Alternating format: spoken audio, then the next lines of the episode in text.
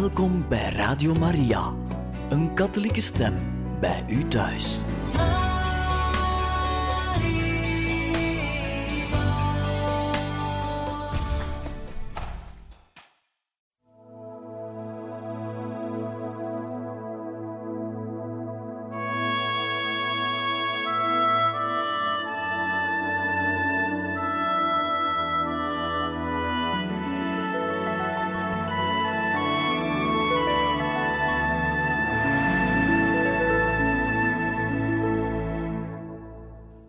Van harte welkom, beste luisteraars van Radio Maria, bij het programma Heiligen Getuigen, waar wij u graag verder voorlezen uit het boek Mijn Heerlijk Leven, het verrassend geestelijk avontuur van de jeugdige Gabriel Possenti, geschreven door Edmund Burke.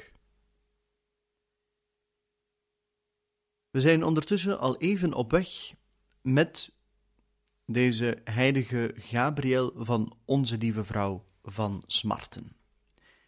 Geboren als Francesco Possenti in een vooraanstaande familie, en na vele obstakels en veel aarzelen, met de hulp van Onze Lieve Vrouw beslist hij uiteindelijk toch om in te gaan op de roepstem van de Heer om kloosterling te worden.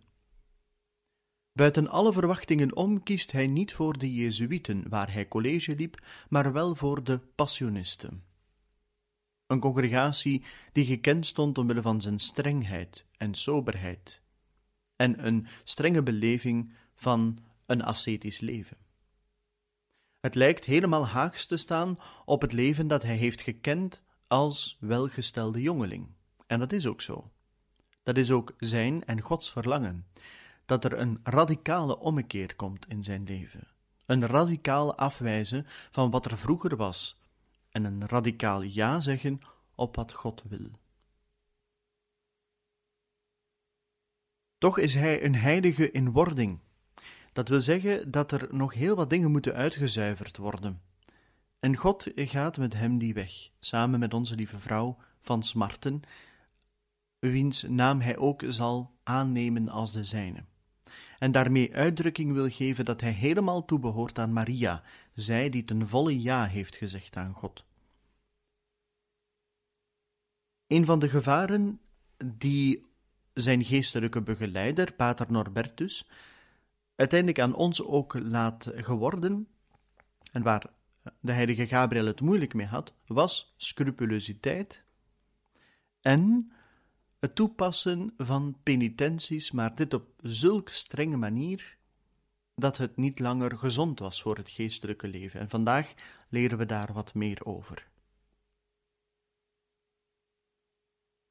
Gedurende die eerste dagen was Gabriel niet tevreden met het toepassen van de gewone penitenties die door de regel werden opgelegd, geneigd in uitersten te vervallen met lichamelijke boetedoeningen. Pater Norbertus achtte het noodzakelijk hem in dat opzicht nauwlettend in het oog te houden, uit vrees voor rampzalige gevolgen. Ik nam steeds een sterke neiging tot lichamelijke tuchtiging bij hem waar. Zelfs zozeer dat, wanneer ik hem niet goed in het oog gehouden en weerhouden had, zijn vurigheid hem ertoe gebracht zou hebben zich een groot aantal strenge tuchtigingen op te leggen die zijn krachten verre te boven gingen. In heel korte tijd zou hij zijn gezondheid geruïneerd hebben.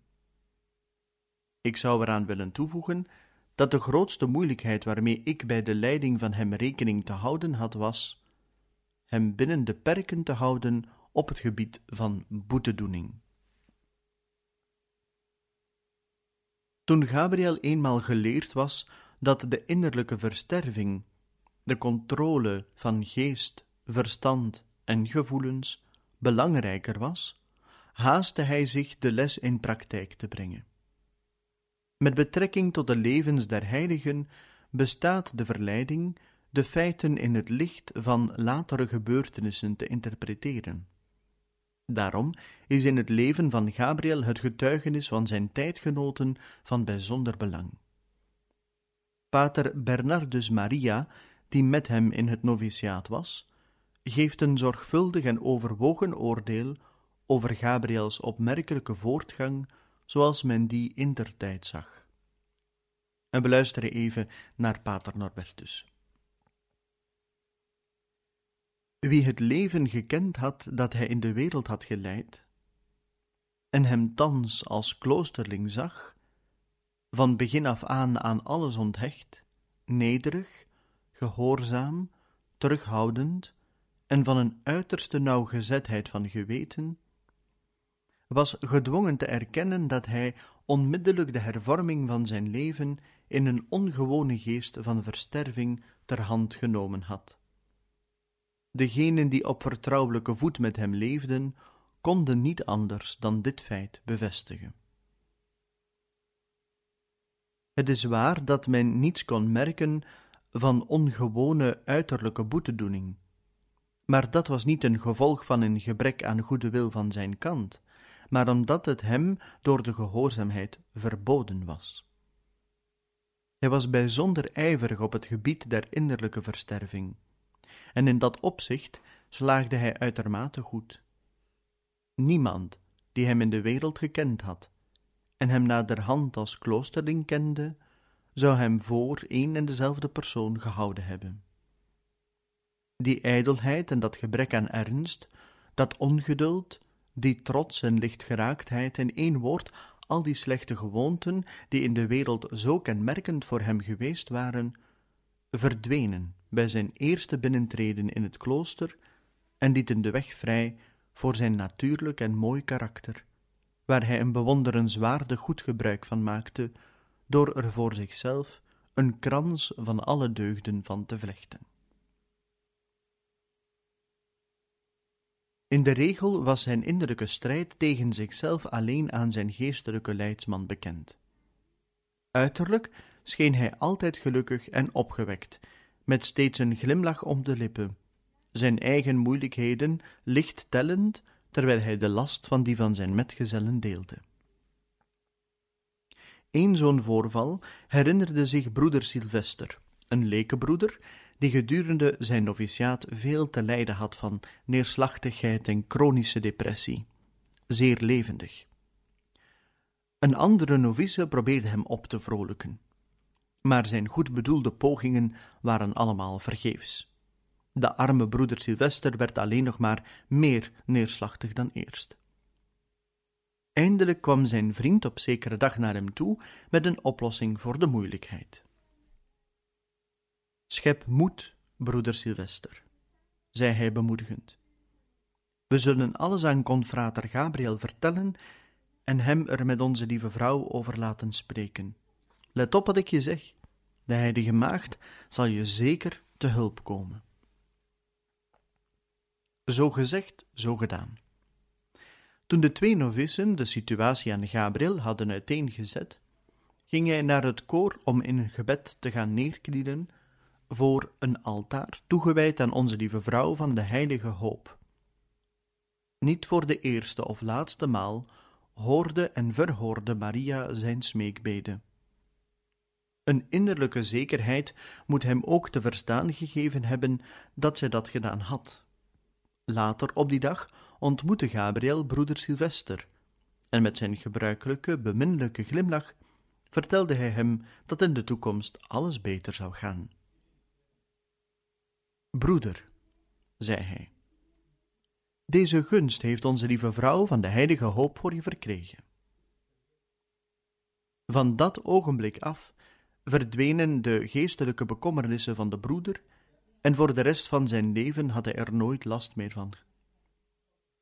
Daar hem de gelegenheid tot zwaardere boetedoeningen ontzegd was, was Gabriel bijzonder knap in het vinden van middelen om zichzelf te oefenen in dagelijkse acten van zelfverloochening. In zijn gedachten waren de twee idealen van gebed en versterving innig met elkaar verbonden. Als we geen zelfverloochening beoefenen, kunnen we niet goed bidden, was een van zijn geliefkoosde gezegden.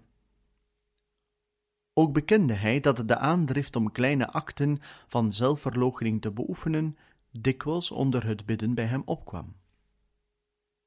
Onze lieve Heer zegt dikwijls tegen me, zei hij op een van de zeldzame ogenblikken van zelfopenbaring, Verootmoedig jezelf door dit, kijk niet naar dat, praat niet over een ander, want die kleine dingen kunnen een hinderpaal zijn voor het gebed. En als wij ons niet verootmoedigen, kunnen we onmogelijk goed bidden.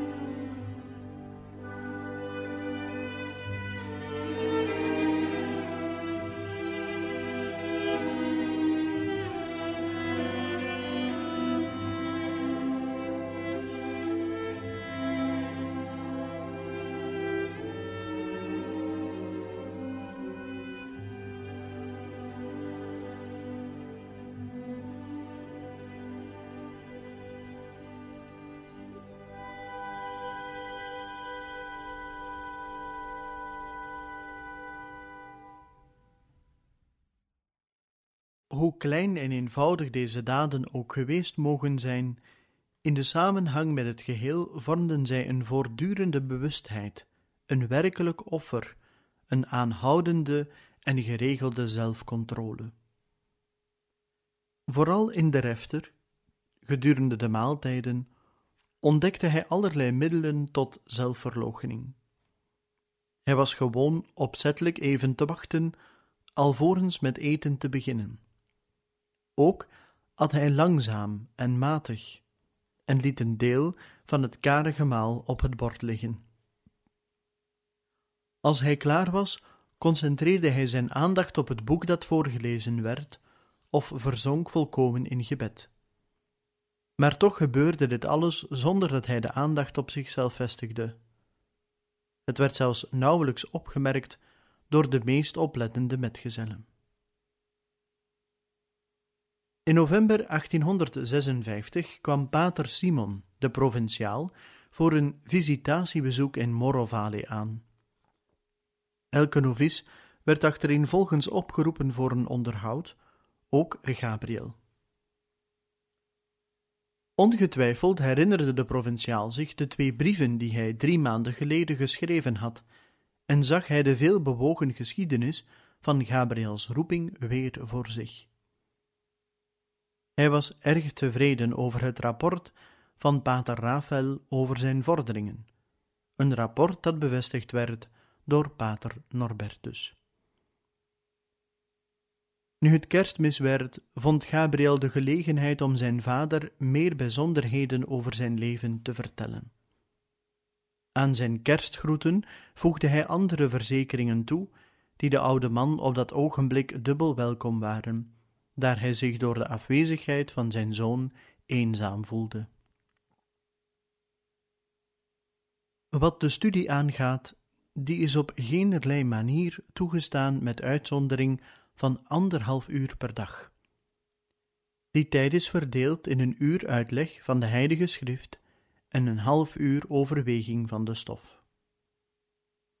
Waar ik heen gezonden zal worden na mijn professie, als het God belieft, daaromtrent staat niets vast. Dat kan later vastgesteld worden aan de hand van de studie en het aantal studenten. Het enige wat ik met stelligheid zeggen kan is dat het moeilijk voor me zou zijn hier te blijven. Daar de advent reeds begonnen is, zend ik u, mijn broers en allen thuis, bij voorbaat reeds mijn beste wensen voor een waarlijk gelukkig kerstfeest, dat gezegend mogen worden door het kindje Jezus en door zijn heilige en onbevlekte moeder. Wat schrijven aangaat, mag u erop rekenen dat ik zonder mankeren van tijd tot tijd zal schrijven. Ik wil niet dat u zich daarover zorgen maakt. Het is gemakkelijk te begrijpen dat gedurende het proefjaar niet alle novicen volharden tot aan hun professie. Sommigen gaan uit eigen beweging weg. Anderen worden ongeschikt geacht om verder te gaan, het zij om redenen van gezondheid of anderszins. Dat was het geval met Philippus Calandrelli, die het kleed een week voor Gabriel had aangenomen, maar die na zes maanden wegging. Het is in het noviciaat altijd een droevige gebeurtenis als men een lege plaats ziet in het koor en in de refter. Maar dat is het onvermijdelijk gevolg van het ziftingsproces, waarbij de beste kandidaten worden uitgekozen. Het is overleven van wie geestelijk het krachtigst zijn. Misschien was het bij een dergelijke gelegenheid dat een onbescheiden novice Gabriel een nogal rechtstreekse vraag stelde. Wat zou jij doen als de novicenmeester je naar huis stuurde? Gabriel hoefde daar niet lang over na te denken. Zijn antwoord volgde onmiddellijk met de grootste kalmte. Ik zou eenvoudig doen wat Gods wil is. Toen voegde hij er bedaard aan toe: Het is niet nodig voortdurend te denken aan of zich zorgen te maken over wat de toekomst brengen zal of over wat er zou kunnen gebeuren.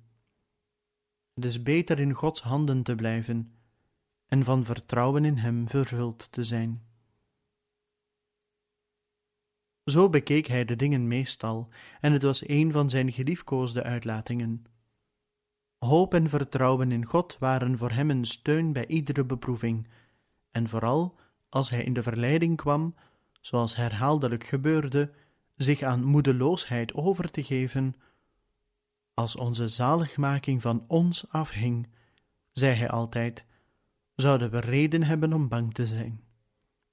Maar onze zaligmaking is in goede handen, want ze is in de handen van God, en op God vertrouwen wij. Hoofdstuk 11 Offerdag Al vroeg had Gabriel een fundamentele waarheid van het kloosterleven ontdekt en deze tot grondbeginsel van zijn handelen gemaakt. Volmaaktheid, zo zei hij, bestaat niet in het doen van buitengewone dingen, maar hierin dat men gewone dingen buitengewoon goed doet. Bij het aanbreken van iedere nieuwe dag nam de ijverige novice het besluit een volkomen volmaakte dag aan God op te dragen. En wanneer hij s'avonds tot de bevinding kwam dat hij gefaald had, besloot hij het morgen beter te zullen doen. Hij maakte een aantekening daarover bij zijn geestelijke voornemens. In al mijn handelingen de gewoonte aannemen alles voor God te doen, alles smorgens aan Hem te onderwerpen, en dit opnieuw te doen als ik met werken begin en ook gedurende het werk zelf, waarbij ik mijn hart tot God verheffen zeg: Ik doe dit voor U, o Heer, en voor Uw glorie, want dit is Uw heilige wil. Daarin was niets gedwongens of gekunsteld. Veeleer ontwikkelde het zich nog naarmate zijn karakter hechter gevormd en zijn kenmerkende spiritualiteit scherper omlijnd werd. De beloning daarvoor was een vrede des harten, die alle vrees en bezorgdheid uitsloot. Later zou hij schrijven: Hoe heerlijk is het zich te rusten te begeven, met de gedachte onze lieve Heer de hele dag lang gediend te hebben, hoe onwaardig ook. Hoe rustig en vreedzaam is die slaap, ongestoord door vrees of zorgen, of zelfs maar door de gedachte aan de dood zelf, die immers niets anders doen kan dan ons uit dit tranendal wegnemen, terwijl wij vertrouwen in Gods genade te zijn. Toen hij later op die periode terugzag, gaf Pater Norbertus een opsomming van zijn algemene indruk. Wat zijn leven als novice aangaat, zo schreef hij, kan ik zonder aarzeling de verzekering geven dat, daar hij in het klooster getreden was, met het vaste voornemen zich volkomen aan de dienst van God over te geven, hij van begin af aan toonde vast besloten te zijn, al zijn krachten daarvoor in te spannen. Zijn uiterlijk gedrag verschilde niet veel van dat van de andere novissen, maar zijn innerlijke gevoelens waren zo vurig en meeslepend dat hij hen allen al spoedig voorbijstreefde in de ijver en edelmoedigheid waarmee hij zich van al zijn plichten kweet. Gedurende de tijd van zijn noviciaat kon men het begin zien van al die deugden, die hij later op zo'n voortreffelijke wijze ontwikkelde en vervolmaakte.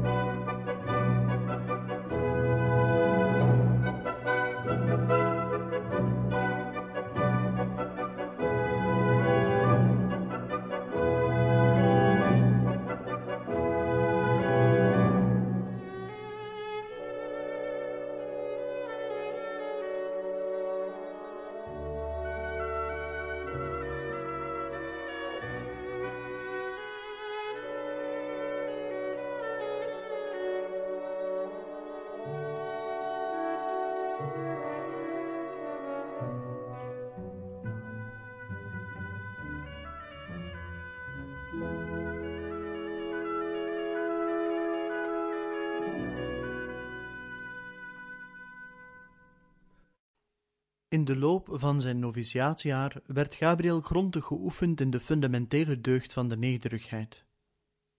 Uit mezelf kan ik niets doen, zei hij. Aan mezelf overgelaten ben ik in staat om de grootste zonden van de wereld te bedrijven. Aanvankelijk was het niet gemakkelijk te dulden en te zwijgen, zich nooit te verontschuldigen of te rechtvaardigen. Soms nam pater Norbertus hem vrijwel opzettelijk onder handen wegens een fout die hij niet gemaakt had, en wachtte dan af hoe zijn reactie zijn zou. Het gezicht van Gabriel vertoonde een verraderlijke blos als hij wist dat hem geen blaam trof. Maar hij knielde rustig neer en aanvaarde stilzwijgend de berisping. Evenmin zou hij ooit eerder uit zijn geknielde houding opstaan, voordat het hem uitdrukkelijk verzocht was. Pater Norbertus bekende dat hij zelf soms onachtzaam was op dat punt en wel eens wegging om ergens voor te zorgen en dan vergat dat Gabriel nog steeds geknield was. Een andere novice moest pater Norbertus dan gaan halen om Gabriel uit zijn hachelijke positie te verlossen. Met zijn gebruikelijke onverstoorbaarheid aanvaarde Gabriel deze nogal veel eisende episodes zonder bezwaar te maken. Nog dan, nog later, liet hij zich enigerlei opmerking over het gebeurde ontvallen. Als zijn metgezellen naderhand hun medegevoel met hem betuigden, merkte hij rustig op: Ik had die correctie nodig. Ik verdiende ze. En ook in die gevallen was er niets voorgewens, nog iets onoprechts in zijn houding. Hij meende werkelijk wat hij zei. Hij bracht metterdaad de voornemens die hij omtrent de nederigheid gemaakt had in praktijk. Iedereen als beter te beschouwen dan mijzelf. Niet alleen in theorie, maar in praktijk. Allen als mijn meerderen behandelen, met eerbied en in nederigheid iedere gelegenheid om de nederigheid te beoefenen aanvaarden, a.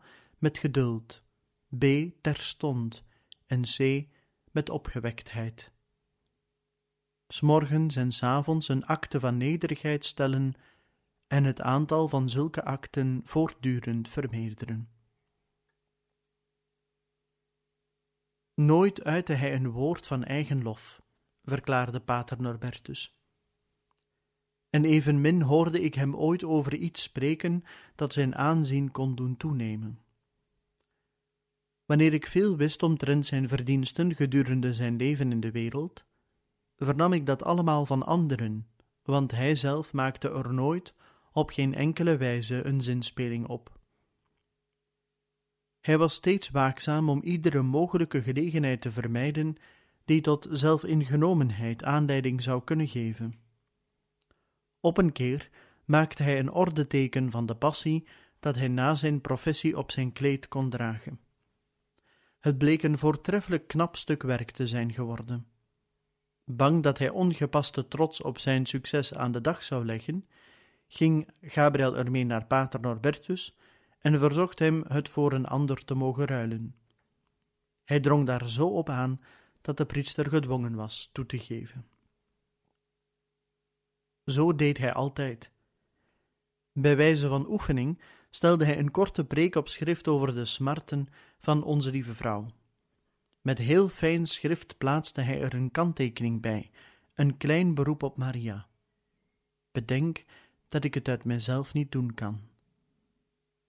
Steeds slaagde hij erin de geringste plaats in te nemen, het laatst bediend te worden, het slechtste van alles te nemen maar hij deed het zo onopvallend en bescheiden dat, tenzij men zich van zijn gebruikelijke manier van doen bewust was, het net was alsof het helemaal per toeval zo gegaan was. Als hij het zo schikken kon, deed hij steeds het minst beduidende werk, want, zei hij, daar verkrijgen we grotere verdiensten door dan wanneer we iets anders doen. Van deze voortdurende zelftucht is geen zweem in zijn naar huis geschreven brieven te vinden. Zijn voornaamste zorg was alleen maar de aanhoudende vrees van zijn vader te doen afnemen. Op alle mogelijke manieren probeerde Gabriel diens angsten te verjagen en hem innerlijk gerust te stellen. In maart 1857 schrijft hij in bijzonderheden. Ik haast me uw lieve brief te beantwoorden van verleden maand. Het komt me voor dat uw bezorgdheid over mijn gezondheid ongegrond is, daar, zoals ik u reeds gezegd heb, wanneer er ook maar iets met me zou gebeuren, het zij ziekte of iets anders, ik niet zal nalaten het u terstond te laten weten. Bovendien heb ik meer dan eens bezoek gehad van mijn oom en de groeten van Theta en uzelf. En ik heb steeds op tijd geschreven, zodat u op de hoogte zou blijven. Thans wil ik u melden dat mijn gezondheid uitstekend is en dat ik voortdurend in gewicht toeneem. Werkelijk, sinds ik hier gekomen ben, kan ik naar waarheid zeggen dat ik God dank er in geen enkel opzicht op achteruit gegaan ben, behalve dat ik één keer, ongeveer een uur of twee lang, een van mijn gebruikelijke aanvallen van hoofdpijn had. Wat het eten betreft ben ik er beter aan toe dan u denkt. Het is zowel overvloedig als voedzaam, en we mogen ook melkkost gebruiken. Tot nu toe heb ik hier nog geen enkele koude dag meegemaakt, zoals we in Spoleto wel eens konden hebben. God is werkelijk te goed voor me. Ik verdien een dergelijke welwillendheid niet. Ook Michael schreef vrij dikwijls aan Gabriel en in een van zijn brieven vroeg hij om een gedetailleerde beschrijving van het leven in het klooster, eraan toevoegend dat hij zeer belangstellend was er wat meer van te weten. Gabriel was verrukt. Doordat hij misschien meer in de brief las dan Michael bedoeld had, begon hij te denken dat Michael misschien eveneens roeping kon hebben. Het is redelijk te veronderstellen dat op zijn minst een gedeelte van deze brief zijn gedachten over zijn eigen roeping weerspiegelt. De nadruk die hij legt op de volkomen overgave aan Maria is van de hoogste betekenis met het oog op zijn latere geestelijke ontwikkeling. Hij schreef: Zou het misschien mogelijk kunnen zijn, broerlief, dat het gelukkige ogenblik voor jou gekomen is, zoals het eens voor mij is gekomen, hoewel ik het van ons beiden het minst waardig ben? Mogen we niet hopen dat zij die de toevlucht der zondaren genoemd wordt, haar barmhartige blik op ons zal laten vallen? Ik hoop het, en als dat het geval is, kan ik alleen nog maar zeggen: sta op en kom. Volg niet mijn voorbeeld na door het steeds maar van de ene dag op de andere uit te stellen, hoewel de Heer mij riep. Maar als een stem je mocht roepen, aarzel dan geen enkel ogenblik en begin niet bij jezelf erover te redeneren. Werp alle profane kennis, je verwanten, de wereld van je af en ga aan het werk. Stel de duivel niet in de gelegenheid je te misleiden door te zeggen: Denk er eerst eens over na. Nee, verlaat terstond alles en volg Jezus Christus. Als ik nog maar even langer gewacht had, zou ik misschien niet zijn waar ik nu ben. Neem je toevlucht tot Maria, en wanneer zij deze genade voor je verkregen heeft, beloon haar dan, tot op zekere hoogte, door alles als een offer aan haar voeten neer te leggen. Zeg tegen haar, en vergeet dat niet: Ik geef u alles wat ik heb, kennis, verwanten, heel mijn bezit. Zoek een toevlucht en beschutting onder haar mantel. Wanneer dit geluk is weggelegd voor een broer die oprecht van je houdt, schrijf me dan dadelijk en ik zal stappen doen om alles te regelen met onze provinciaal. Toch, wanneer ik me vergis en je deze roep niet bespeurt, doe dan als had ik je helemaal niet geschreven. Wat ik geschreven heb is wat er leeft in mijn hart, en ik hoop dus dat je het goed zult opvatten. Afgaande op de overige regels in de brief, scheen Gabriel zelfs onder het schrijven bange twijfel te koesteren.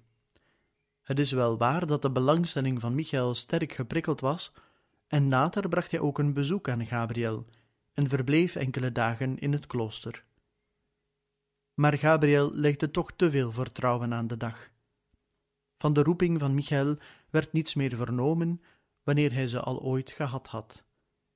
Gabriel greep de gelegenheid evenwel met beide handen aan om een nauwkeurige beschrijving te geven van het leven in het noviciaat, voorafgegaan door enkele woorden over het gemeenschappelijke samenleven. Allereerst meen ik te moeten zeggen dat in onze congregatie een volmaakt gemeenschapsleven heerst, zodat een der leden zich nergens zorgen over hoeft te maken, nog over voeding, nog over kleding. De overste zorgt voor alles, en hij doet dat evenals een goede huisvader het thuis zou doen voor het welzijn van al zijn kinderen. Bovendien hebben de passionisten geen vaste inkomsten van zichzelf, van welke aard ook, maar zij leven enkel van aalmoezen. Ik kan je echter de verzekering geven dat we, God dank, aan niets gebrek hebben, aangezien onze lieve Heer ons overvloedig van alles voorziet. Dit alles bij wijze van inleiding. Ik zal nu vervolgen met in het kort onze tijdindeling voor nacht en dag voor je te beschrijven. En dat, beste luisteraars van Radio Maria, houden we graag voor een volgende keer. En zo zijn we aan het einde gekomen van deze aflevering van het programma Heiligen Getuigen. We zijn dus volop in het kloosterleven gestapt van de heilige Gabriel van Onze Lieve Vrouw van Smarte. En we zullen een volgende keer ook verder meer een blik krijgen op het kloosterleven, op het religieuze leven, vanuit de interpretatie, de manier waarop dat de heilige Gabriel zelf daarnaar keek, door middel van die brief, die lange brief die hij geschreven heeft aan zijn broer Michael. Dat is voor een volgende keer en dan hoop ik dat u, dat u er ook een eh, volgende keer wenst bij te zijn. Dan lezen wij u verder voor uit het boek Mijn Heerlijk Leven, het verrassend geestelijk avontuur van de jeugdige Gabriel Possenti, geschreven door Edmund Burke. Van harte dank en nog een bijzonder fijne dag gewenst.